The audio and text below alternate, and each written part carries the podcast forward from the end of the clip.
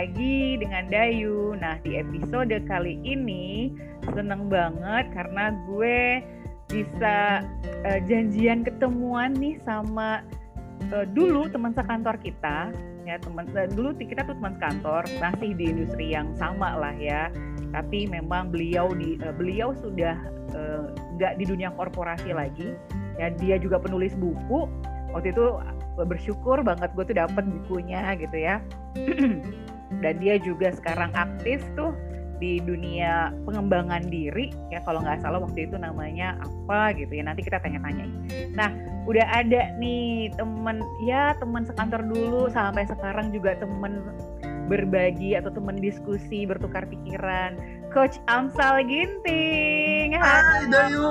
Waduh apa kabar Dayu apa kabar Sal? Alhamdulillah gue baik-baik aja, sehat-sehat. Lu gimana Sal? Wah, sehat-sehat selalu Dayu. Waduh, senang banget ya. Udah lama nggak ketemu ya. Akhirnya iya. ketemu di online juga nih. Iya. Hai teman-teman semua yang mungkin mendengarkan podcast ini.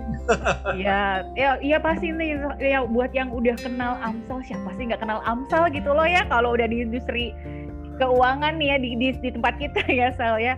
Jadi seneng banget sih bisa connecting lagi sama lo Sal gara-gara ya inilah gara-gara pandemi sebenarnya ya. Ya karena kalau mau ngajak ketemuan di mana gitu kan nggak mungkin gitu ya. Terakhir kita ketemuan di ini Sal inget nggak waktu itu? Uh, di Depok waktu itu. Ah iya iya. Itu pun nggak secara itu pun nggak direncanakan ya. Uh, uh, uh, uh, udah terakhir itu abis itu nggak pernah ketemu lagi. Terus tapi gue selalu dengar kabar lo Sal. Sekarang udah malang melintang sebagai coach gitu ya. Oh, banyak jadwal jadwalnya nah uh, lu gimana nih? Uh, ada yang berubah nggak nih se semenjak pandemi semenjak udah nggak di dunia korporasi lagi? Gimana Sal? Apa kabar lu? Ceritain deh. Gimana ya. kabar lu setelah lepas dari dunia korporasi terus udah apa ya udah nggak ya nggak di, di nggak udah nggak kerja kantoran lagi gitu ya. Tapi sekarang kita ketemu di era pandemi gitu ya. apa nih hmm. Yang berubah? Eh tunggu tunggu tunggu. Gue tuh jadi ngomongnya semangat gini gara-gara Amsal. Kalau ngomong tuh emang bikin semangat. Jadi mau nggak mau suara gue lagi jadi agak lebih kencang ngomong gue jadi cepet gitu ya. Kebawa sama Amsal. Gimana Sal? Kabar lo gimana nih? Oh ya Dayu oke. Okay. uh, eh, tentunya kan kita senang banget juga ya Dayu. Ya kita juga sudah lama nggak bersua gitu ya. Iya, iya, dulunya iya. apa aja cerita-cerita kalau di kantor gitu ya. Wah selalu pasti ada Dayu nih. Kalau ada Amsal ada Dayu. Iya iya. Kita dibilang sohiban Iya, iya sohiban banget. Terus kemudian kalau pas mau apa pas datangan juga ya rata-rata ya bisa dikatakan ketahuan nih kalau udah datang Dayu kayak Amsal juga udah datang. Ada kebalikannya. Pulang juga sama kayaknya ya ketahuannya. Iya, uh, uh selalu nih oh oh iya oh iya jadi tuh karena emang kita pul rumahnya searah gitu ya, jadi kita uh, menggunakan iya. transportasi yang sama dan susah ngejar Amsal karena cepet banget cepet banget jalannya akhirnya ya udahlah selalu duluan aja lah gua nggak sanggup Iya saya dulu ya. Iya iya iya. Masa-masa itu menarik ya Dayu ya. Wah inilah teman-teman ya yang ada di podcast yang mendengarkan hari ini. Ini tentunya menarik banget nih kalau kita bertemu dengan sahabat lama yang sudah lama tidak bersua nih teman-teman. Iya, Oke iya, jadi iya. tentunya di masa pandemi ini yang pertama Dayu adalah kita harus selalu bersyukur gitu loh Dayu. Ya kenapa saya katakan selalu bersyukur karena kan di masa pandemi ini kita lihat dari positifnya dulu ya. Apa yang positifnya nih? Yang pertama adalah kita jadi lebih dekat dengan keluarga. Wah, bukankah di masa-masa sekarang ini jadi lebih jarang, maaf kata ya, lebih jarang ke kantor atau lebih jarang pergi ke mana-mana? Tujuannya apa? Kita semakin lebih dekat dengan keluarga, bisa bercanda yang selama ini mungkin bagi teman-teman yang masih bekerja kantoran, maaf ya, ya jam berapa berangkatnya, pulangnya jam berapa, anaknya seperti apa. Kadang-kadang pertumbuhannya kan nggak kita uh, bisa pantau dengan baik, ya dengan ada masa pandemi ini kita lihat positifnya yang pertama dulu adalah kita jadi lebih dekat dengan keluarga ngobrol-ngobrol dengan keluarga. Bercanda juga. Saya juga lakukan hal yang sama dah yuk hmm. ya bercanda gitu ya. Kalau dulu pun memang saya udah lebih nyaman ya karena memang sudah beberapa tahun saya jalankan bisnis ini. Namun sekarang jadi lebih enjoy. Kenapa? Karena nggak ada lagi kata kunci keluar kota gitu loh. Kalau kemarin keluar kota Surabaya ke mana? Surabaya Waduh bagaimana nih? Namanya aja kantornya beda ya tapi pekerjaannya masih muter-muter gitu. Jadi kita ambil positifnya. Dengan adanya pandemi seperti ini maka yang pertama adalah semakin dekat dengan keluarga. Nah itu yang paling menarik dulu nih. Terus yang kedua, kalau kita berbicara di masa pandemi ini teman-teman, kita harus selalu yang namanya bersyukur. Minimal apa? Minimal masih kita bisa hidup seperti sekarang ini. Walaupun mungkin maaf kata ya, ada yang dipotong gajinya. Mungkin ya, saya nggak tahu nih teman-teman. Mungkin ada yang dipotong gajinya, ada mungkin eh, hal-hal yang lain, atau ada mungkin sedang sakit. Namun kita masih bersyukur. Kenapa? Masih bisa hidup, masih bisa menikmati uh, apa yang sudah diberikan Tuhan teman-teman. Artinya maaf kata ya teman-teman ya, mungkin kita akan sedikit dikatakan ya lebih lebih harus bersyukurlah dibandingkan dengan orang-orang yang mungkin saat ini sedang berjuang teman-teman. Untuk menghirup udara saja pun berjuang banget ya. Itu yang kedua Dayo. Jadi uh, kita bersyukur ya. Kita bisa lebih dekat dengan keluarga. Tentunya yang paling menarik yang ketiga ini yang ketiga ini di mana kita jadi lebih gampang untuk silaturahmi ya dong Iya, Kalau kemarin kan alasannya selalu apa? Jauh, ya perjalanan misalnya ke rumah Dayu, walaupun rumah saya dengan Dayu dekatan ya, tetap kelihatannya jauh. Nah, dengan ada yang namanya online seperti ini, dengan adanya namanya uh, kata ya pelarangan untuk sementara uh, apa namanya aktivitas, maka kita jadi lebih gampang kan ngobrolnya seperti itu. Jadi teman-teman sekali lagi ya, teman-teman podcast seluruh Indonesia bahkan mungkin dunia yang mendengarkan ini, uh, yang amin. paling menariknya itu adalah harus teman-teman uh, perhatikan tiga hal tadi teman-teman. Jadi kalau kita perhatikan itu, maka masalah-masalah yang pandemi seperti ini adalah tidak membuat kita jadi takut. Tapi tetap dijaga kesehatan ya pasti ya. Tetap yang namanya berjemur ya saya juga tetap melakukannya ya. Hari ini sorry teman-teman di pagi hari ini absen nih. Biasanya saya harus berjemur dulu nih walaupun sehat gitu ya. Nah jadi berjemur terus kemudian uh, minum jus wajib teman-teman. Kalau belum bisa dua kali sehari ya satu kali sehari. Sekalipun sehat ya jadi bukan karena sakit baru minum jus gitu. Dan vitamin C dan yang lain-lainnya. Jadi teman-teman yang paling menarik ingat teman-teman kalau kita dalam keadaan tenang ya kalau kita dalam keadaan tetap bersyukur maka kita adalah orang yang paling kaya di dunia ini Apakah teman-teman setuju? Setuju pastinya tuh. Bukan nanya sedikit jawabannya panjang oh, dan, iya. dan dan selalu gitu tuh. Uh, jadi buat yang memang uh, mungkin ada yang udah kenal atau kayak atau juga mungkin ada yang belum gitu ya.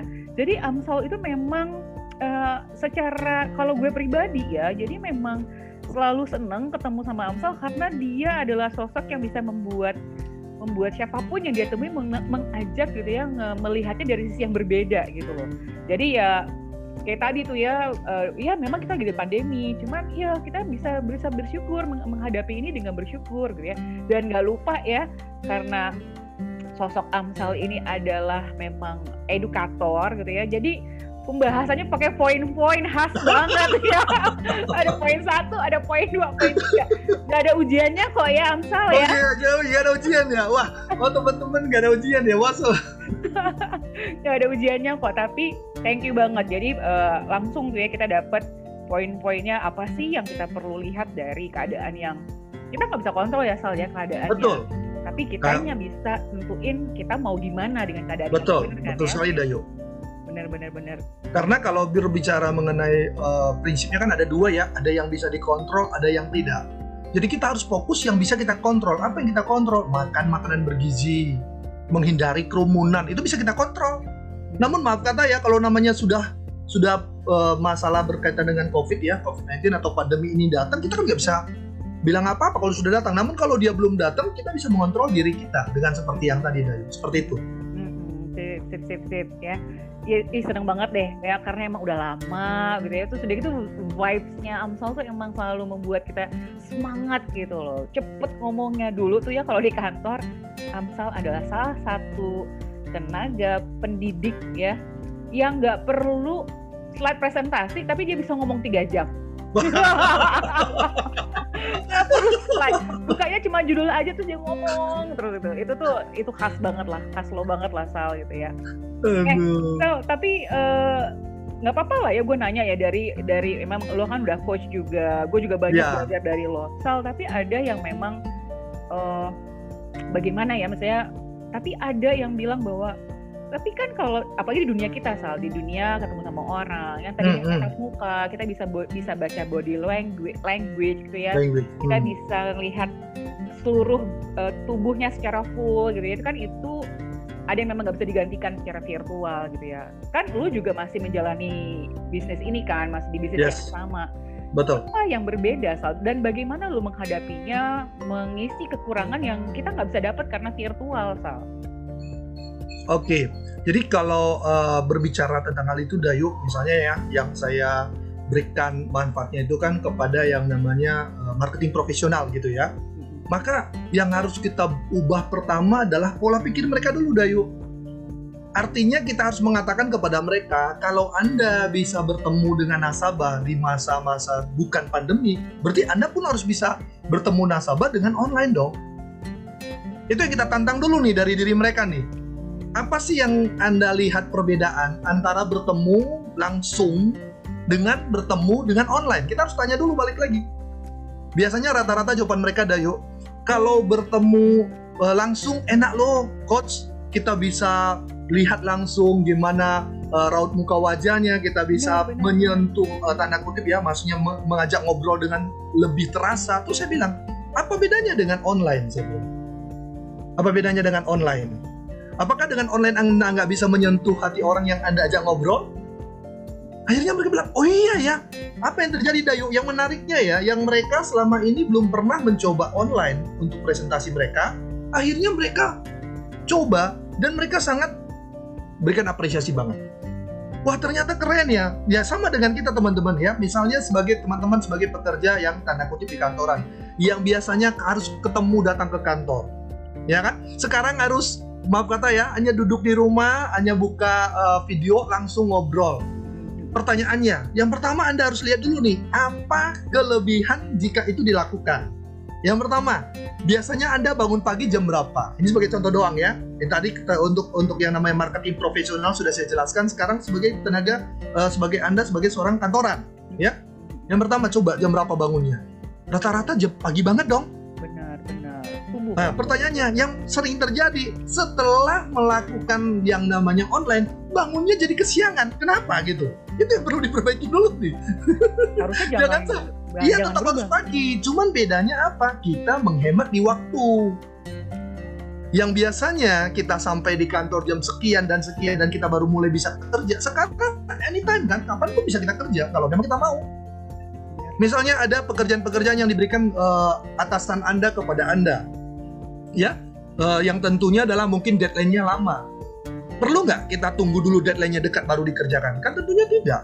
Coba kebayang kalau misalnya misalnya kita ketemu ya, ketemu di kantor kita perlu perjalanan berapa lama, waktunya berapa lama, ongkos juga akan teman-teman terasa nggak?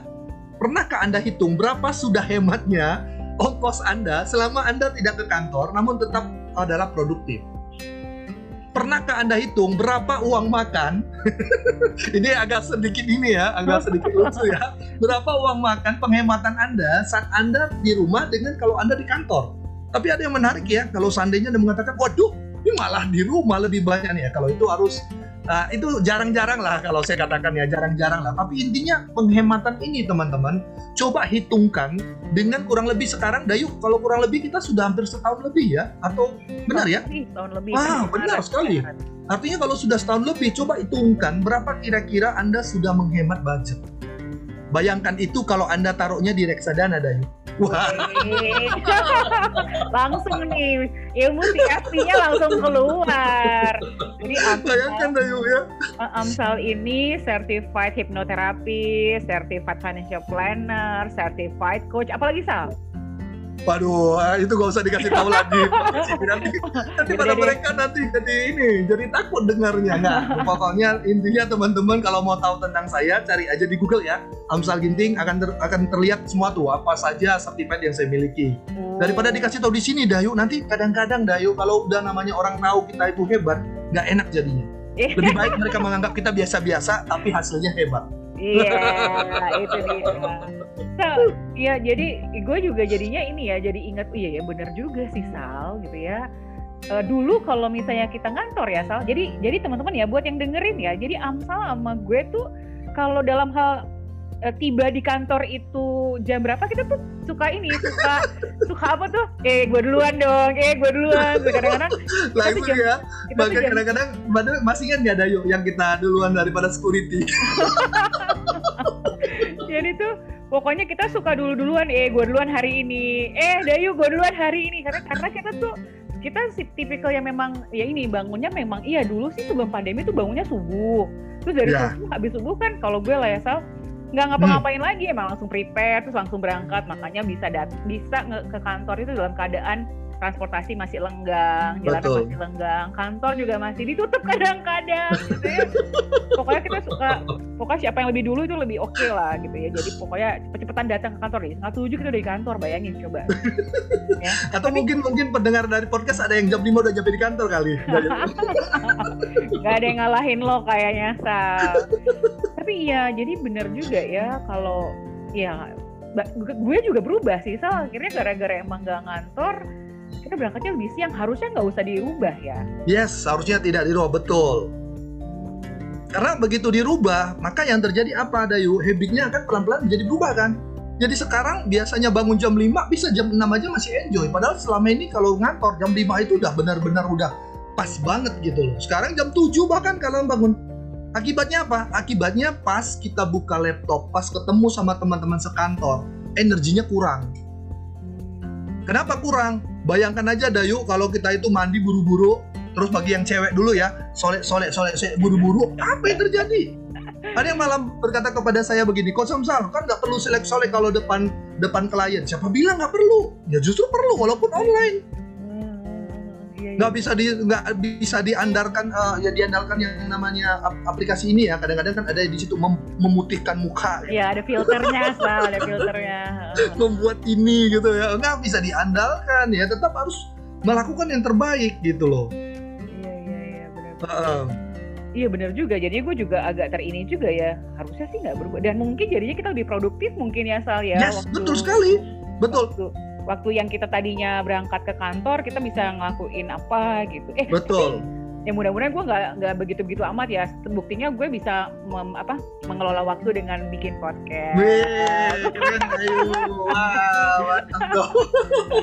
Moga-moga ya bukan cuma Dayu doang. Moga-moga semuanya peserta dari teman-teman atau yang lagi mendengarkan podcast ini juga benar-benar bisa menang mengelola waktu. Karena ini penting nih teman-teman di masa pandemi ini biasanya ya karena tanda kutip kita tidak ngantor itu bisa banyakkan molornya. Benar nggak teman-teman? Ada yang merasa nggak? Ah bentar lagi deh. Karena udah dalam pikirannya termindset ya apa? Nggak perlu keluar dari rumah. Keluar dari rumah butuh berapa lama? Sampai di kantor butuh berapa lama? Sudah ada gambaran pikiran ya? Ah aduh ini santai kok ya cuman buka yang namanya uh, apa namanya uh, buka medsos eh, sorry buka yang namanya laptop atau buka yang namanya handphone jadi deh komunikasinya.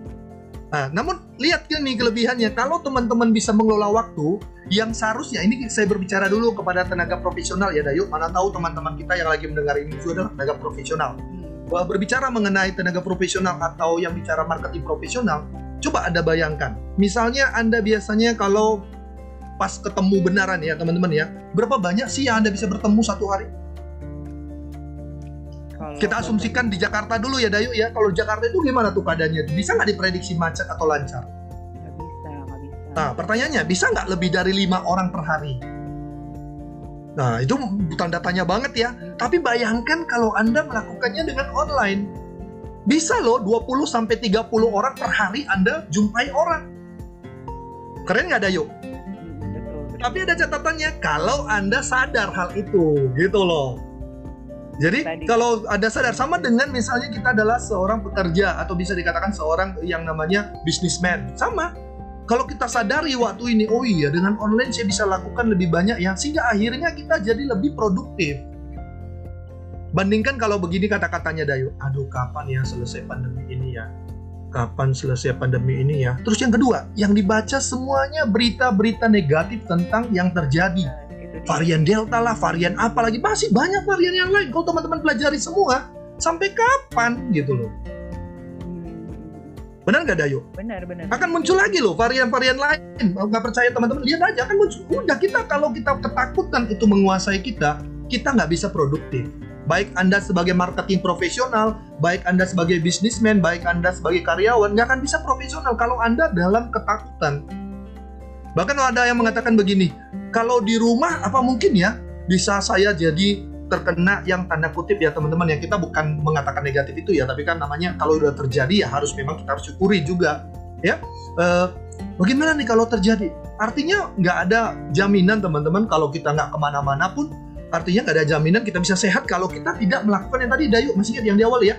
Yaitu berjemur kemudian vitamin C-nya, vitamin D-nya, kemudian jusnya dua kali sehari atau satu kali sehari. Nggak ada jaminan. Kenapa? Karena kalau udah lemah aja badan kita apalagi kita dalam ketakutan. Bayangkan Dayu ada ini cerita yang paling menarik ya teman-teman ya podcast seluruh Indonesia dan dunia ya. Yang paling menarik begini. Ada uh, seseorang waktu mulai pandemi ini uh, mulai agak sedikit bergejolak awal ya dia itu paling suka yang namanya apa baca tentang COVID-19 apa pun dia baca dia lihat ciri-cirinya, dia baca lagi, dia dengarkan lagi YouTube tentang itu, dia rasakan itu seakan-akan dia yang mengalaminya. Apa yang terjadi? Bisa nggak teman-teman dapat gambarannya? Apa yang akan terjadi kalau itu yang dibayangkan terus dalam pikirannya? Kayaknya penciuman saya mulai hilang ya. Kayaknya kenapa dia bisa mengatakan kata-kata itu? Kenapa teman-teman? Karena dia sudah dalam gambaran pikirannya apa yang dibacanya tadi Makanya saran kita teman-teman, semua yang mendengarkan podcast ini, saran kita hindari membaca atau mendengar berita-berita tentang yang tidak membuat Anda semakin semangat hidupnya. Misalnya ya, teman kita ini, maaf ya teman-teman, kita sih ber, uh, turut ber, berduka cita dan bela, uh, berduka cita bela sungkawa ya terhadap teman-teman kita yang sudah duluan, artinya mengakhiri garis akhirnya, ya tapi sering kali kan yang ini meninggal, yang ini meninggal. Kalau kita baca terus, itu memberikan kita apa? Kalau Dayu sendiri gimana kira-kira? Kalau boleh uh, teman-teman biar bisa mendengarkan uh, pendapat Dayu dulu nih sebagai sahabat saya nih. Iya. Apa kira-kira yang terjadi? Iya, ya itu bikin gue jadinya takut ya, khawatir yes, ya. Betul. Dan rasa khawatir ini Dayu dan rasa takut ini teman-teman, inilah yang mengakibatkan membuat imun kita menurun. Jadi kok saya makannya banyak ya? Saya olahraganya kok uh, ini ya uh, teratur ya, tapi kok bisa sakit ya? Karena-karena apa yang Anda konsumsi tanda kutip entah baca atau dengarkan. Misalnya kayak seperti kemarin Dayu, masih ingat dong kejadian India yang heboh banget tuh? Betul, iya iya nah, iya. Itu kan banyak banget ya, langsung di seluruh medsos, medsos hampir semua ya langsung berita itu terus menerus, hampir tiap hari. Kalau saya lihat sendiri hampir tiap hari tuh diposting orang. Pertanyaannya, ini kalau kita jujur ya teman-teman ya, seberapa penting kita tahu informasi itu? Apakah informasi yang kita dengarkan ini membuat kita semakin semangat hidup atau semakin ketakutan? Itu pertanyaan kedua. Pertanyaan pertama adalah seberapa penting informasi itu. Pertanyaan kedua adalah apakah ini akan membuat kita semakin semangat hidup atau malah ketakutan? Kalau Anda menjawabnya kedua kata-kata ini adalah enggaklah terlalu penting, hanya mau tahu doang nanti kalau kalau saya nggak tahu kan dianggap dianggap saya kepo. Iya, pertanyaan pertanyaannya adalah anggaplah kita tidak tahu. Berarti kan pikiran kita penuh dengan yang positif, benar dong, Dayu? Nah, kalau pikiran kita penuh dengan positif, ini sebagai contoh ya teman-teman ya, maka yang terjadi apa? Yang terjadi adalah imunitas kita atau imun kita meningkat. Ya, sering banget mungkin teman-teman yang podcast seluruh Indonesia dan dunia mendengar ini ya, bahwa hati yang gembira adalah obat gitu loh. Artinya kalau kita bagi teman ini kita berikan uh, sedikit uh, tips dulu ya Dayu ya izin ya untuk teman-teman kita yang Boleh sedang berbaring. Buat gue juga ya yang sedang berbaring atau sedang berjuang untuk uh, bisa menang uh, mengalahkan yang namanya virus-virus dalam tubuh mereka ini khususnya COVID-19 ya. Jadi teman-teman ingat teman-teman kalau teman-teman hari-hari ini sedang terbaring karena hal tersebut yang pertama adalah bersyukur. Oh bersyukur ya Coach Samsal ah, itu sering sering orang langsung kayaknya ah kok bersyukur udah terkena gitu. Karena kalau teman-teman nggak bersyukur maka energi anda makin lemah. Katakan kepada Tuhan ya Tuhan terima kasih. Tuhan mem memampukan saya untuk menghadapi semuanya ini sehingga saya bisa sehat dan aktivitas kembali. Dayu apakah itu namanya bersyukur? Bersyukur. Bandingkan dengan kedua.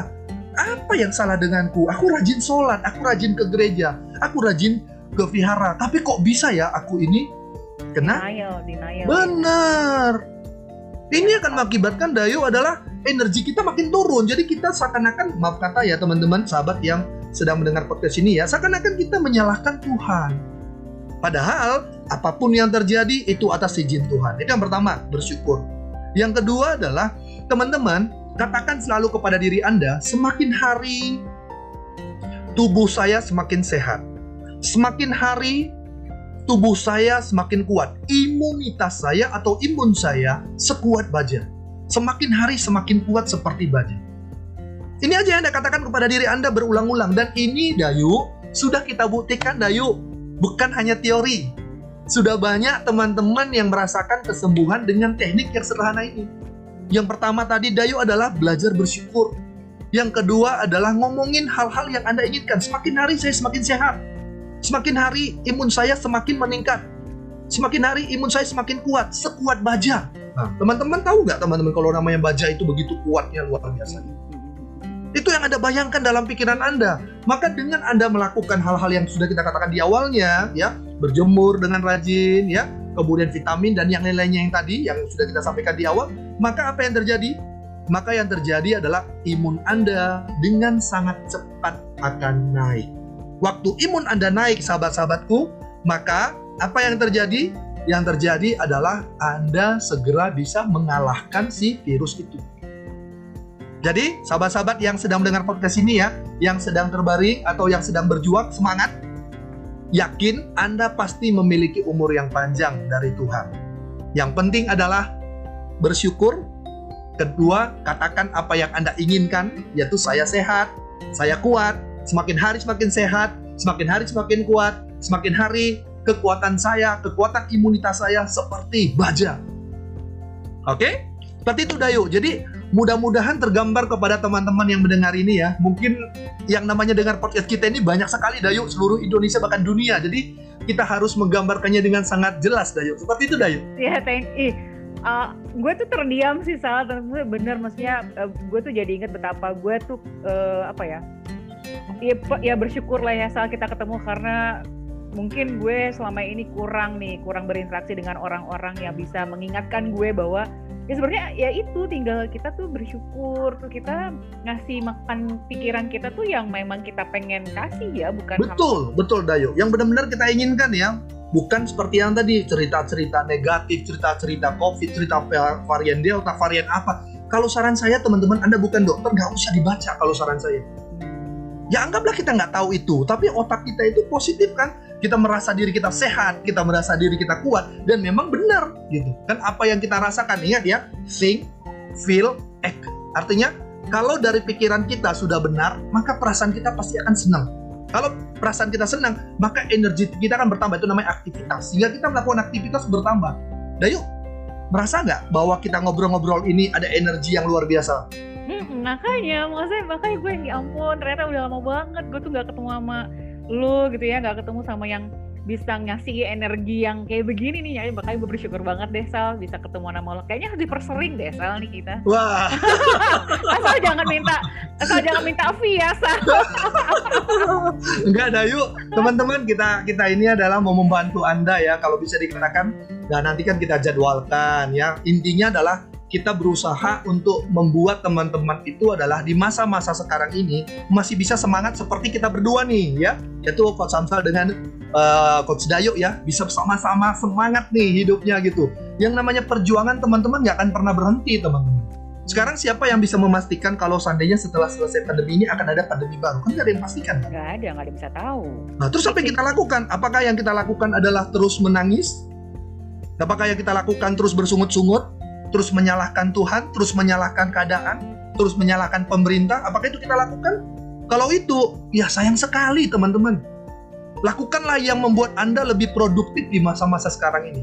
Setuju mungkin ya? Setuju. Dayo ya? Setuju.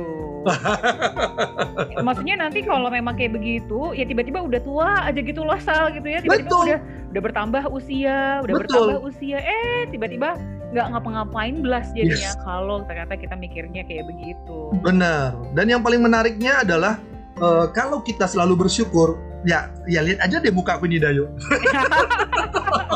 Aduh sayangnya podcast gak kelihatan muka ya. sayangnya kalau kalau ini adalah podcast ya. Kalau sayangnya uh, kalau teman-teman yang penasaran, nah, silakan cari di YouTube ya. Coach Amsal Ginting. Nah, teman-teman akan lihat bagaimana ekspresi saya kalau memberikan sebuah uh, apa ya pencerahan ke teman-teman marketing profesional. Seperti itu Dayu. Iya. iya. Sal, uh, jadi tuh gue tuh dari tadi memang dengerin tuh memang bener lah ya, memang udah lama banget kayaknya nggak ngobrol gitu ya. Dan gue tuh jadinya memang kayak nyambung aja lah Sal, kayak connect aja lah ya bahwa ya inilah makanya yang ya karena gue juga menyadari kayaknya gue nggak boleh lah ya ya beneran tuh Sal bacaan-bacaan yang negatif gitu ya. Yes. Belakangan tuh belakangan tuh banyak banget berita negatif dari WA lah, dari sosial media gitu ya. Nah akhirnya tuh mau nggak mau kan itu tuh yang gue juga aduh sampai kapan nih gue begini gitu ya makanya gue reach out lah ke teman-teman gitu ya teman-teman kantor teman-teman uh, teman-teman sekolah zaman dulu termasuk lo juga sal karena gue merasa kayaknya ini yang perlu gue lakukan supaya memang membuat gue juga jadi apa ya dapat dapat asupan yang lebih sehat lah Sal. Hmm, hmm. Nah, dapat asupan yang lebih sehat karena kalau misalnya kayak gitu terus mau sampai kapan gitu. Jadi gue sih bersyukur banget sih Sal misalnya connecting lagi sama lo dan yang dengerin juga mudah-mudahan jadinya juga dapat ada ide ya bagi mereka ya Dai? Uh -uh, dapat dapat inspirasi gitu ya. Jadi ikutan semangat. Gue aja nih ya kalau biasanya kan kalau podcast yang kemarin kan juga suara gue kan juga ini kan menyesuaikan. Nah karena sama lo jadi gue juga ngomongnya cepet gitu. Mau nggak mau sih. Mau nggak mau. Jadi gue sih thank you banget. Nah tapi boleh lah ya Sal kalau misalnya gue tanya bagaimana ya Sal? Tapi kalau memang ada orang yang hmm, kadung mungkin ngerasa bukan kadung lah ya kita nggak tahu lah ya struggle orang tuh beda-beda gitu. betul betul. Ada yang bilang karena gue nggak capai jadi gue nggak bisa happy dong. Gue nggak bisa ini masa gue jadi jatuhnya ke depresi atau gimana. Jadi nggak happy lah intinya. Nah, itu tuh gimana sal? Apa yang bisa kita lakukan gitu sal kalau memang ada yang seperti itu misalnya? Oke okay. thank you. Pertanyaannya bagus sekali Dayu. Jadi teman-teman ini kita berbicara dulu ke marketing dulu ya. Marketing profesional ya kalau teman-teman misalnya tidak mencapai target, kemudian teman-teman jatuhnya adalah depresi, terus kemudian lama-lama apa yang terjadi? Bisa nggak teman-teman urutkan apa yang terjadi paling akhir? Akan keluar kan dari jalur? Nah, sekarang pertanyaannya adalah, coba tanyakan kepada diri teman-teman, apakah kalau tidak mencapai target di bulan ini, anggaplah ini adalah di bulan, uh, ini nanti adalah postingnya di bulan uh, Agustus lah kita katakan ya, karena ini kan Juli akhir ya. Oke, anggaplah di bulan Agustus teman-teman, kita nggak mencapai target. Apakah dunia sudah berakhir? Apakah masih ada di bulan-bulan berikutnya? Apakah masih ada bulan September, Oktober, November, dan seterusnya? Itu dulu yang harus kita tanyakan pada diri kita. Karena kebanyakan Dayu, teman-teman kita ini ya, tenaga marketing profesional ini, kebanyakan mereka menyalahkan keadaan. Ini karena pandemi saya nggak mencapai target. Kalau dia sudah menyalahkan keadaan, itulah yang mengakibatkan dia stres. Kenapa? Karena pandeminya belum berhenti pertanyaannya begini, kalau memang kita lihat pandemi ini adalah penyebabnya, apa yang bisa kita lakukan? Apa yang bisa kita lakukan? Seperti yang saya katakan tadi ya Dayu ya, kalau sebelum pandemi lima orang ketemu, ini kita bicara Jakarta dan kota-kota besar ya, Surabaya dan kota-kota yang besar lah. Lima orang per hari sudah keren banget. Namun di masa-masa pandemi seperti ini, Anda tinggal di rumah, bertemu dengan nasabah di rumah, Anda bisa 20 sampai 25 orang loh. Berarti apa artinya? Artinya adalah kalau kita mengeluh sampai kapan? Sampai kapan? Apakah dengan mengeluh target teman-teman tercapai? Berarti yang harus Anda tanya ke diri Anda. Apakah dengan mengeluh Anda lebih lebih mendapatkan insight baru atau inspirasi baru? Bandingkan dengan Anda berbahagia. Wah, bagaimana caranya bahagia? Kalau belum capai target, justru itu yang menarik. Ya gimana tuh Sal? Ya jangan sampai karena target baru Anda bahagia. Anda harus ciptakan bahagia dulu. Apa yang dilakukan? Uh, sorry ya teman-teman, biasa orang panggil saya dengan Coach Samsal ya. Apa yang dilakukan Coach gitu ya? Maka saya katakan adalah yang pertama adalah pikiran kita ini menarik. Yang namanya hayalan dan namanya kenyataan itu nggak bisa dibedakan ya. Maksudnya apa? Kita lagi keadaan tidak mencapai target. Tapi yang kita lakukan apa? Bayangkan Anda mencapai target Misalnya targetnya anggaplah misalnya ya penjualan sepeda motor, penjualan mobil atau apa pun itu, penjualan rumah, penjualan segala macam deh yang berbicara marketing profesional. Anda bayangkan, waduh, apa yang terjadi kalau Anda bayangkan itu sudah terjadi? Bukan seakan-akan ya, tapi sudah terjadi. Rasanya apa? Rasanya biasanya kan muncul perasaan yang bahagia, senang, dan Anda katakan kepada diri Anda, oke, okay, memang saya di bulan Juli belum mencapai target. Namun di bulan Agustus dan seterusnya, dengan izin Tuhan, saya bisa mencapai target yang terbaik. Dan Anda langsung lompat-lompat, ye, ye, ye, ye, capai target, ye, ye, ye. Bukan ekspresi Anda. Ini kebanyakan nggak begitu, Dai. Yang saya lihat, Dai, begitu nggak capai target, nonton film do apa drama Korea. Apa yang terjadi? Jangan apalagi kalau yang benar-benar ini ya, benar-benar uh, ceritanya cerita kesedihan. Biasa yang sepengalaman se saya ya, orang nggak mencapai target bukan mencari yang memberikan dia energi, tapi mencari pendukung. Siapa? Dia tanya kepada temannya yang nggak mencapai target. Hmm. Akibatnya apa? Curhat-curhatan mereka mengakibatkan apa dari kira-kira dari? Semakin semangat mencapai target atau atau ibaratnya gini, udahlah masa pandemi nggak apa-apa deh mencapai target. Kira-kira ada nggak kata-kata begitu? Tambah down ya tambah nggak yes. tambah nggak jalan betul sekali Dayu. Makanya di, yang dikatakan tadi sahabat saya Dayu benar banget. Sahabat podcast seluruh Indonesia dan dunia ini benar banget. Apa benarnya? Bahwa kita harus cari orang-orang yang positif di sekitar kita. Supaya apa? Supaya kita mendapatkan asupan yang positif dalam pikiran kita itu kalau bicara marketing profesional kalau berbicara mengenai aduh saya sering nih uh, diomelin bos padahal udah benar kerjanya. Nah, teman-teman ingat ya, jangan Anda lihat dari sisi Anda. Kalau misalnya Anda diomelin bos walaupun sudah benar cara kerjanya, cara kerja apa maksud Anda benar ini? Nah, artinya apa? Katakanlah misalnya kepada teman Anda, "Eh, uh, kamu pernah dapat kerja seperti ini?" Oh, pernah. Bagaimana cara kamu? Kita harus apa, teman-teman? Menanyakan ke orang yang mungkin pernah mengalami hal seperti itu yang kita dapatkan ini. Jadi kita tidak mengatakan, aduh bosnya nggak suka sama saya, bosnya hanya suka sama Dayu, nggak suka sama Amsat. Nggak seperti itu. Kalau itu yang terjadi apa? Kita nggak akan pernah bersyukur kan? Sudah bisa bekerja seperti sekarang. Coba lihat teman-teman yang masih bekerja sampai hari ini. Layakkah Anda bersyukur? Saya jawab adalah 1000% sangat layak. Karena banyak orang di PHK. Saya nggak perlu sebutkan perusahaan-perusahaan mana yang banyak mem-PHK orang di akhir-akhir di masa-masa sekarang Artinya apa? Artinya kalau hanya diomelin bos, jangan sampai membuat Anda baper gitu loh. Ya kenapa? Karena apa yang dilakukan bos itu berarti dia kan tahu nih aturannya. Lebih baik Anda katakan begini, Pak, sebelum saya keluar dari kantor Bapak, adakah saran Bapak apa yang saya lakukan supaya lebih baik lagi? Bukankah ini akan membuat nilai plus di dalam mata bos Anda daripada Anda keluar dengan muka yang maaf kata ya yang sudah langsung lemes lesu dan langsung mengatakan pada diri anda salah lagi nih project saya. Aduh salah lagi nih project saya. Dan salah lagi project saya. Akibatnya apa? Akibatnya nanti adalah anda memiliki pemikiran yang akhirnya membuat anda sendiri depresi. Seperti itu Dayo ya dan teman-teman podcast seluruh Indonesia dan dunia. Jadi prinsipnya adalah ingat teman-teman kalau terjadi hal seperti itu selalu lihat nih Kenapa sih seperti ini bos saya? Jangan lihat negatifnya ya, berarti dia peduli sama saya. Dia mau saya lebih sukses untuk tahun depan dan berikutnya. Sehingga dia kasih sedikit gambaran ini. Jangan buat kalimat itu jadi menakutkan. Contohnya ya, misalnya bos Anda mengatakan kata-kata negatif. Kamu ini orang yang kurang teliti, dasar bla bla bla, pokoknya negatif banget ya. Coba Anda buat suara itu menjadi suara yang lucu Ayo, ayo, kira-kira gimana perasaannya? Suara yang lucu. Jadi ketawa ya? Jadi Betul. Anda bisa mengelola emosi Anda. Anda bisa mengelola emosi Anda. Kenapa? Karena yang udah dibayangkan dalam pikiran Anda adalah yang ngomong itu yang lucu gitu loh. Jadi bukan yang ngomong itu yang jelas. Kalau yang jelas ngomong itu kamu begini, kamu begini, ini salah, ini salah. Langsung kayaknya dalam pikiran apa? Harga diri kan? Apalagi bos Anda mungkin lebih muda dari Anda. Itu yang sering terjadi. Bos Anda lebih muda dari Anda. Dan dia ngomong begitu ke Anda. Waduh, itu rasanya gimana? Namun ingat teman-teman. Ingat teman-teman, coba ganti suaranya itu menjadi suara yang lucu. Mungkin Donald Bebek kalau sesuai dengan zaman kita iya kali Dayu ya. Donald Bebek. Atau zaman sekarang apa tuh yang lucu-lucu tuh ya? SpongeBob kali ya. Apa? Upin Ipin.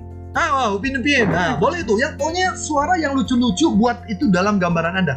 Kapan dilakukannya nih Coach Samsal? Ya, ini Anda lakukan setelah Anda keluar dari ruangan meja bos Anda. Jangan di depan moja bos Anda, Anda buat dalam gambaran itu. Nanti Anda ketawa sendiri. Malah bosnya yang stres. ini saya berikut siapa nih? Kenapa jadi begini gitu kan?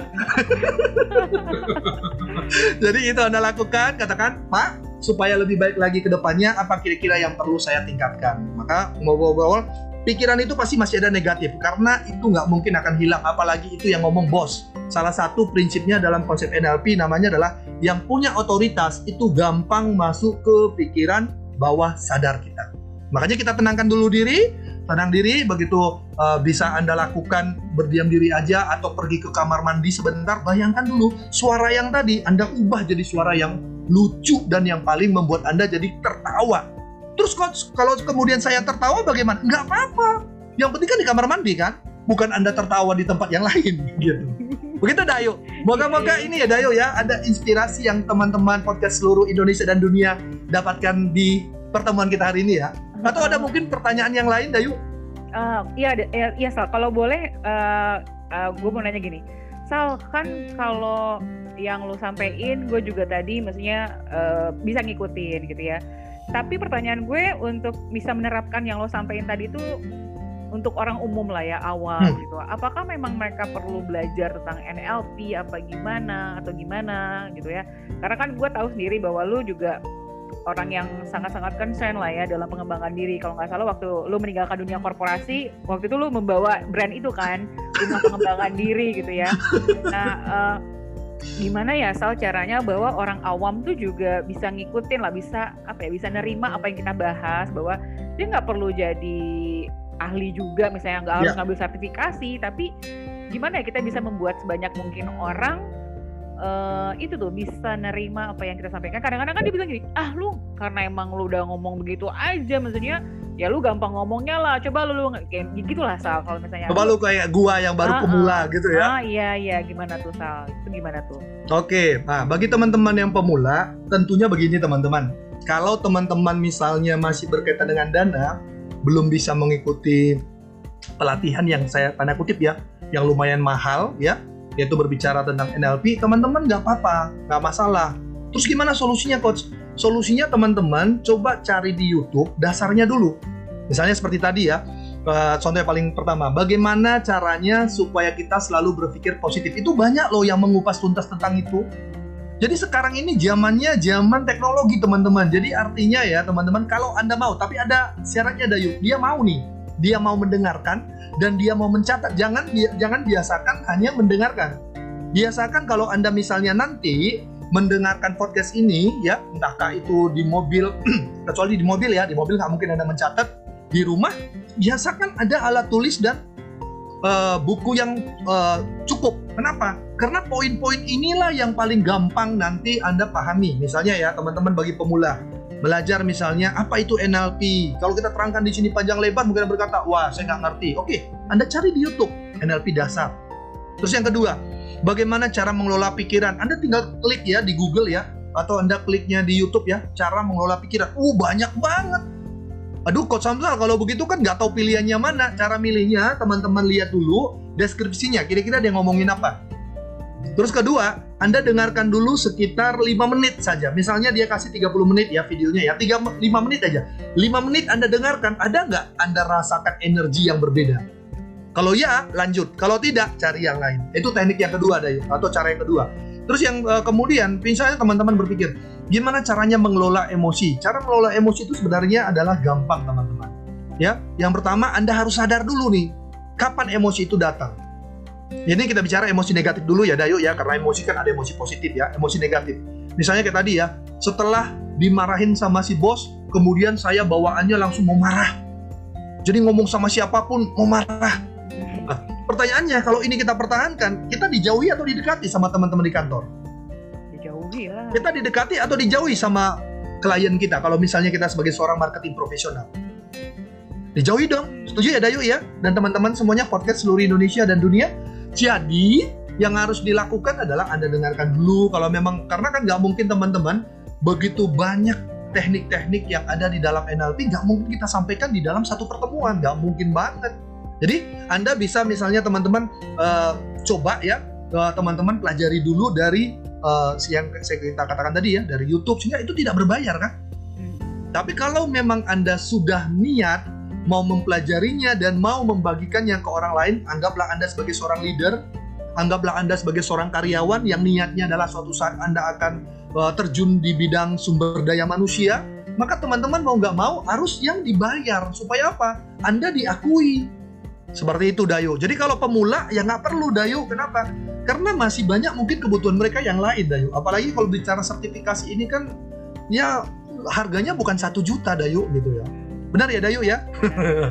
Harganya itu kan nggak usah sebutkan lah di sini. Anda cari aja di Google lah kalau sertifikasi NLP itu berapa. Dan kita tidak menyarankan Anda untuk itu kalau memang Anda masih pemula. Artinya yang memang belum benar-benar mau terjun untuk bisnis pengembangan diri. Kalau hanya untuk diri sendiri, cukup dari mana Dayu? Boleh diulangi supaya teman-teman juga bisa dengar? Dari YouTube cukup belajar dari mana? YouTube ya. aja. bisa belajar dari mana? Dari YouTube, bisa belajar dari Google, bisa belajar dari hal-hal yang lain. Nah, sama seperti ini misalnya, uh, saya mau lebih percaya diri. Kalau kita jelaskan pun begini cara tahap, tahap demi tahapnya. Kalau Anda baru mendengar sekali, saya yakin Anda kan berpikir, ah ini bohongan kali. Tapi kalau Anda sudah niat, oh saya pokoknya saat ini saya semangat sekali mendengarkan uh, podcast yang sangat keren ya.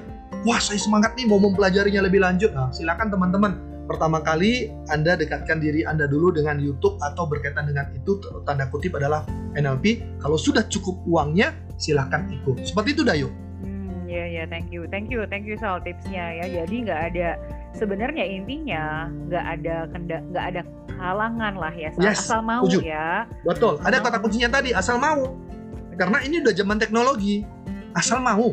Benar-benar mau sebenarnya ya tinggal kita pasti akan cari cara bukan cari ya. alasan lah ya Betul. inilah itulah tapi kan ya, sekarang udah bisa diakses dengan cara gratis ya ya udah tinggal tinggal kita mau atau enggaknya aja oke okay.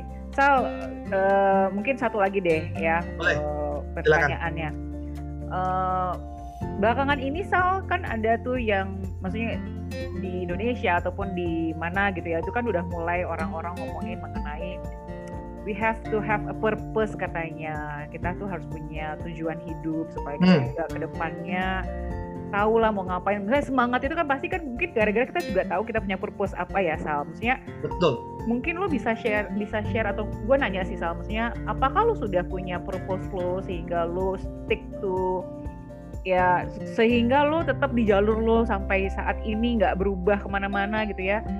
Dan apa ya Sal ya yang bisa kita apa ya yang bisa kita lakukan buat mungkin ada beberapa dari relasi kita yang mungkin curhat ke kita yang gue tuh kadang nggak tahu deh maksudnya gue tuh hidup untuk apa? Mungkin nggak belum belum ketemu lah itulah lah jadi itu sih yang pengen gue tanya gimana? Dari lo gimana sah siap. Oke itu pertanyaannya menarik Dayu. Karena ini kalau ditanyakan pertanyaan seperti ini artinya dia mau berubah lebih baik dan semakin baik. Nah ini kalau mungkin juga teman-teman yang sedang podcast ya, yang yang sedang dengarkan ini di Indonesia dan seluruh dunia, Anda juga punya pertanyaan yang sama, dengarkan jawabannya.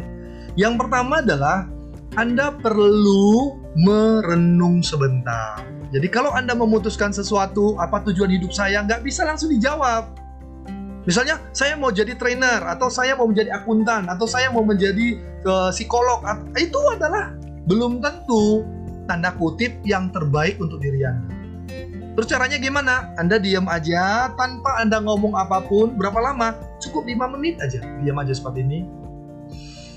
Diam aja, tarik nafas, hembuskan nafas, diam aja, nggak ngomong apa-apa. Kalau Anda sudah merasakan sudah lebih tenang, sudah lebih lebih rasa rileks, Anda katakan kepada diri Anda, Amsal, apa sih sebenarnya tujuan hidup kamu?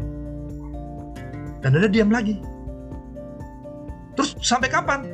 Mungkin pertama nanti teknik ini nggak langsung ada terjawab, nggak mungkin. Tapi ada mungkin saat itu langsung terjawab. Terus kalau nggak terjawab bagaimana nih solusinya Coach Samsal? Solusi yang kedua adalah teman-teman ambilkan kertas, ambilkan pulpen, tuliskan 10 Anda mau jadi apa? Kalau seandainya tidak ada halangan apa pun. Mau jadi apa Anda? Misalnya ya, saya mau menjadi kaya raya, saya memiliki rumah, saya kan tujuan hidup kan beda-beda ya. Saya mau keliling dunia dengan catatan ya, tidak ada halangan apa pun itu. Mau jadi apa Anda? Nah, setelah Anda tuliskan 10, coba Anda hilangkan 5 dari 10 ini. Jadi sekarang tinggal berapa Dayu? Tinggal 5. 5, betul. Cara menghilangkannya gimana? Anda lihat nih, yang mana kira-kira mirip yang bisa dikorbankan atau bisa dihilangkan sementara ya. Sementara artinya adalah dikeluarkan daripada uh, jumlah-jumlah angka ini nah, dikeluarkan. Misalnya ya, yang pertama adalah saya mau menjadi uh, berguna. Bahkan itu kan umum banget ya berguna ya iya berguna semua maunya ya. Yang kedua adalah saya mau membelikan mobil untuk ayah saya. Saya mau membelikan ini bla bla bla bla bla. Nah, coba Anda lihat dari 10 itu mana yang kira-kira mirip-mirip Anda bisa corek sehingga jumlahnya sekarang 5. Dari 5, lihat baik-baik. Apakah ini adalah benar-benar Anda inginkan? Itu pertanyaan udah lebih detail. Apakah yang lima-lima ini Anda benar-benar inginkan? Nanti di situ akan muncul keraguan dalam diri Anda. Kayaknya enggak deh. Kayaknya ini kalau nggak terjadi pun ini nggak apa-apa. Nah, berarti itu yang dikatakan tujuan atau purpose hidup Anda itu belum terlalu kuat. Masih bimbang-bimbang. Terus gimana caranya Coach Samsal? Kalau sudah tinggal lima, sekarang Anda buangkan dua lagi. Pilih lagi yang kira-kira menurut Anda, ya ini nggak usah deh, ini nggak usah. Pasti ada tuh jawabannya tuh. Berarti tinggal berapa sekarang, Dayu? Uh, tinggal tiga. Yes, tinggal tiga. Dari tiga, Anda tanya lagi kepada diri Anda, apakah benar ini yang saya inginkan? Di situ waktunya Anda merenung lagi.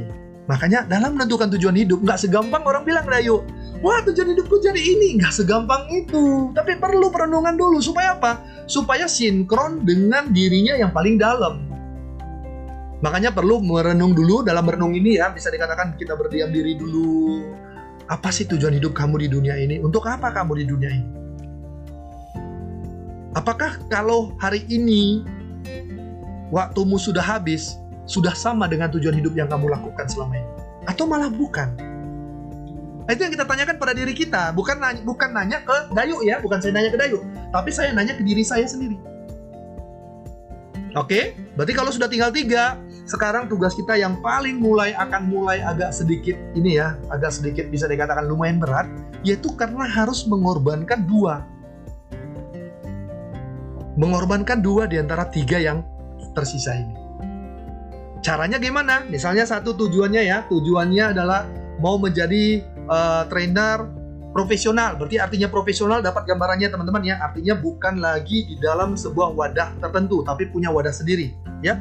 Misalnya uh, saya mau jadi trainer profesional. Yang kedua, tetap jadi karyawan. Yang ketiga, saya mau membuka usaha. Anggaplah itu tinggal tiga tiga ya. Itulah tujuan hidupnya tuh. Dia buka usaha, tujuannya apa? Bisa memberkati orang. Bahkan seperti yang teman-teman lihat di koran kan banyak ya, memberikan makanan gratis. Itu kan salah satu kan tujuan hidupnya begitu. Entahkah dari mana uangnya dapat, dia mengatakan saya nggak perlu pikirkan. Yang penting saya lakukan dulu apa yang saya menganggap itu adalah penting bagi hidup saya. Anggaplah ketiga tadi hal. Yang mana nih? Nah, sekarang tanya nih, yang mana kira-kira bisa lebih mendekatkan saya dengan pencipta? Itulah langkah yang terakhir. Yang mana nih di antara tiga ini yang lebih mendekatkan saya dan pencipta? Apakah kalau saya menjadi seorang uh, trainer profesional? Apakah saya menjadi seorang karyawan? Apakah saya menjadi seorang pembuka bisnis baru atau anggaplah jualan atau yang lainnya? Nah, di situ Anda akan mulai merasa, iya ya, yang mana ya? Dan tentunya jawaban ini Andalah yang tahu jawabannya. Itulah tinggal satu. Dari yang satu ini, apa efeknya coach? Kalau memang itu adalah tujuan hidup saya, Anda akan bergairah melakukannya. Tanda kutip, sekalipun nggak dibayar, sekalipun bayarannya kecil, sekalipun bayarannya besar, Anda nggak akan melihat lagi. Karena itulah tujuan hidup Anda, Anda menikmatinya. Misalnya seperti tadi ya, uh, tujuan uh, hidup saya akhirnya adalah misalnya menjadi karyawan. Ya sekalipun Anda banyak tantangan di dalam pekerjaan kantor, Anda enjoy. Orang lain pada stres, Anda enjoy. Oke? Okay? Kebalikannya, ternyata Anda menjadi karyawan, tapi ternyata pilihan Anda menjadi tenaga yang uh, apa ya, uh, trainer profesional. Akibatnya Anda tertekan terus. Akibatnya apa yang terjadi kok Samsal? Akibatnya adalah saya hidup namun tidak menjalani tujuan hidup. Coba ingat kata-kata itu hidup tapi nggak menjalani tujuan hidup. Iya, itulah yang akibatnya apa? Akibatnya akan banyak silih berganti masalah yang menimpa kita dan kita nggak pernah mencapai yang sesungguhnya. Jadi kita nggak bisa mengatakan ya tujuan hidup saya supaya saya itu uh, bisa dekat sama Tuhan. Ya itu kan umum banget gitu loh. Dengan cara apa? Dengan cara apa? Apakah anda membuka misalnya uh, apa lahan untuk peternakan lele? Ya, kan semua orang beda-beda kan? Apakah Anda membuka lahan untuk sawit? Apakah Anda membuka uh, apa uh, apa toko-toko kecil atau toko-toko besar yang tanda kutip ya seperti maaf kalau saya sebutkan namanya kayak Alfamart kan dia kan punya franchise kan? Apakah seperti itu tujuan hidup Anda? Yang tanda kutip adalah pasti mau berkenan kepada Tuhan Anda masing-masing sesuai dengan agama Anda. Seperti itu loh Ibu Dayu. Wah, kalau Ibu eh, seperti itu Dayu, moga-moga bisa. Ya. Nah, tapi kalau misalnya uh, kan lu juga coach gitu ya. Lu membuka coach secara personal nggak sih? Sal sebenarnya misalnya menurut gue sih kalau memang misalnya langkah paling mudah mungkin membantu kita ini mungkin ketemu dengan coach juga mungkin bisa membantu ya Sal. Lu membuka ya. personal nggak sih? atau uh, kalau untuk yang personal seperti itu sih ya biasa aja sih Dayu tapi dalam arti di sini adalah bayarannya dia cukup nggak Dayu kalau mau menjajaki lo jadi menghubungi langsung aja lah ya nah langsung aja langsung oh. aja di 088188888297 Nah, di situ aja ditanya tuh informasinya. Langsung aja lah nah, menjajaki ya. ya. Gitu. Di situ aja. Karena kalau saya kasih tahu harga, nanti lama-lama nggak ada lagi mau mau. nggak nggak begitu loh teman-teman. Itu cuma bercanda tuh. Nggak, tapi itu dah yuk. Mm -mm, tapi menurut gue sih mungkin itulah ya. Mungkin uh, karena kita juga sama-sama coach, ya kita juga punya ini yang sama gitu ya, cara melihat yang sama. Dan menurut yes. gue pun ya paling mudah untuk kita kita yang memang misalnya belum bisa mempraktekkan itu sendiri ya minta bantuan orang lain ya Sal. Betul, itu paling penting dan paling menarik dan menghemat budget. Mm-hmm. Nah, sekarang kita contoh Dayu. Misalnya kita adalah mau keluar dari sebuah uh, tantangan menarik ya, anggaplah X, kita nggak boleh sebutkan panjang lebar lagi di sini ya, anggaplah X. Kalau kita belajar lagi, kan kita kan belajar lagi dan belajar lagi, eh, belajar lagi artinya berapa kali tahap. Tapi kalau kita datangi seorang coach, yang menariknya apa? Satu tahap selesai Nah, dan yang kedua, udah pasti menghemat budget. Kenapa? Karena kalau kita berbicara tanda kutip ya, jangan coach yang profesional yang bayarannya adalah pakai dolar dayu ya, janganlah yang bayar rupiah aja gitu ya. Nah, di mana beberapa kali pertemuan akhirnya kita dapat suatu titik lebih jelas. Kenapa? Sama seperti saya waktu saya pertama kali belajar NLP profesional. Ya, saya tahu sih nggak belajar pun saya tahu. Namun dengan belajar lagi, saya lebih paham gitu loh setelah saya lebih paham, saya jadi menarik nih. Eh gimana kalau saya belajar master? Bagaimana kalau saya belajar seorang coach dan seterusnya? Nah, seperti itu. Bandingkan dengan kalau Anda berapa budgetnya? Ada yang tahu kira-kira budget saya berapa mengeluarkan itu semua? Banyak lah pokoknya. pokoknya jangan ditanya lah ya. Itu kurang lebih sudah mendekati angka ya ah, udah digitnya berapa itu gitu. Masa ngomongin lah di dalam uh, podcast ini. Tapi intinya kalau Anda misalnya menjumpai seorang coach, Anda bisa menjumpai seorang coach itu bukan cuma saya loh. Yang yang Anda ajak yang mengajak saya ngomong ini juga seorang coach loh teman-teman. Jadi silakan Anda lebih nyaman yang mana ya tergantung Anda. Ya, tergantung Anda, tergantung perjanjian ya. Nanti teman-teman akan dibimbing dari tahap demi tahap sampai Anda mencapai sesuatu. Tapi ingat kata kuncinya, kita bukan mengajari Anda mencapainya. Kita hanya memberikan yang namanya pertanyaan-pertanyaan jitu yang membuat Anda berpikir sehingga Anda memaksimalkan potensi terbaik Anda. Itu bedanya, makanya bayarannya seorang coach beda dengan bayaran seorang trainer. Begitulah kira-kira teman-teman podcast seluruh Indonesia dan seluruh dunia yang sedang mendengarkan obrolan kita hari ini. Iya, iya, ya, iya. Silakan, iya, ayo. Sayang ya nggak bisa dikorek-korek ya berapa sih emangnya tarifnya gitu. Oke, uh, Amsal gue juga nggak mau lama-lama ngambil waktu lo karena gue tahu uh, lu udah full dengan jadwal uh, segala macam. Tapi kalau boleh lah ya Sal, uh, apa ya Sal, maksudnya uh, kan kita di 2021 Juli hmm. pandemi juga belum akan ketahuan kapan kelarnya. Betul. Sal. Ada yang bilang 2022, Betul. 2023, nggak tahu lah ya intinya. Tapi kalau misalnya lo boleh punya harapan apa sih uh, harapan lo gitu ya buat diri lo di sepanjang tahun ini atau tahun yang akan datang dan apa juga ya harapan lo buat kita semua yang ada di Indonesia di dunia bagaimana gitu Oke, okay. thank you banget. Teman-teman, harapan saya yang pertama adalah jadilah Anda menjadi pelaku dari apa yang kita bicarakan hari ini. Artinya, tips-tipsnya menurut pikiran saya ya, itu sudah ada tahap-tahapannya loh, tinggal dilakukan. Kalau Anda merasa misalnya kurang, sekali lagi ya, mau berbayar ada, mau gratis ada. Kalau mau berbayar, ya teman-teman tadi sudah nomornya, saya nggak mau bilang dua kali ya, silakan nanti boleh di mundurkan dikit-dikit suaranya tadi ya. ya, karena itu adalah berbicara tentang sebuah hal yang bukan itu tujuan pembicaraan kita. Jadi saya tidak mau mengulang dua kali ya. Silakan nanti mundurkan sedikit suaranya jadi ketahuan nomor berapa yang sudah disebutkan. Maka harapan kita teman-teman adalah tentu pandemi ini akan segera berakhir. Setuju dong? Dayu ya, setuju Iya, teman-teman iya, semuanya ya. pasti. Namun pertanyaannya adalah kalau kita cuma punya harapan dan tidak melakukan apa pun, maka apa gunanya? Artinya apa? Anggaplah misalnya teman-teman pandemi ini misalnya berakhir di bulan Agustus 2021 atau anggaplah misalnya di tahun depan tahun berikutnya. Terus apa hubungannya gitu? Artinya apa? Bertemanlah dengan pandemi sekarang ini. Artinya berteman yang tadi teman-teman ya, bukan berarti artinya berteman datangin kerumunan terus kemudian terjadi kena COVID. Bukan begitu maksud saya, tapi lebih kepada ingat aturan-aturan sehatnya teman-teman, ikutin. Ingat aturan-aturan yang dikatakan berkali-kali di apa ya teman-teman ya di media, kata cuci tangan lah apalah, ikutin aturannya, nikmati saja teman-teman. Anggap ini adalah menjadi sebuah hobi baru ya, hobi baru apa? Hobi baru cuci tangan. gitu. Udah lebih enak kan daripada Anda ah cuci tangan lagi, cuci tangan lagi. Udah cuci tangan pun nanti kena virus. Beneran kena virus loh. Karena apa yang Anda pikirkan itu jadi kenyataan. Kalau Anda sudah cuci tangan, ya dengan keyakinan Anda mengatakan bahwa yang namanya misalnya pas dari luar dengan tanda kutip ya memang benar bukan diinginkan tapi memang benar terpaksa harus keluar mungkin membeli sesuatu. Anda cuci tangan. Harus diniatkan dengan tulus bahwa benar-benar Anda mau menjaga kesehatan. Ya itu teman-teman. Sekali lagi tipsnya adalah belajar bersyukur. Kalau Anda belajar bersyukur Anda bisa melewati masa-masa seperti ini teman-teman. Bagaimana coach dengan teman-teman kita yang punya bisnis yang lagi merosot omsetnya? Belajar bersyukur aja teman-teman. Pasti ada ide-ide kreatif yang muncul dalam pikiran Anda waktu Anda belajar bersyukur itu. Jadi nggak perlu Anda mengatakan, aduh omset saya lagi turun, gimana mau ini? Belajar bersyukur. Bagaimana caranya? Ingin uh, mundurkan ya uh, rekaman daripada uh, apa namanya rekaman daripada ngobrolan kita ini ada kok tadi teknik-teknik yang sudah kita sampaikan.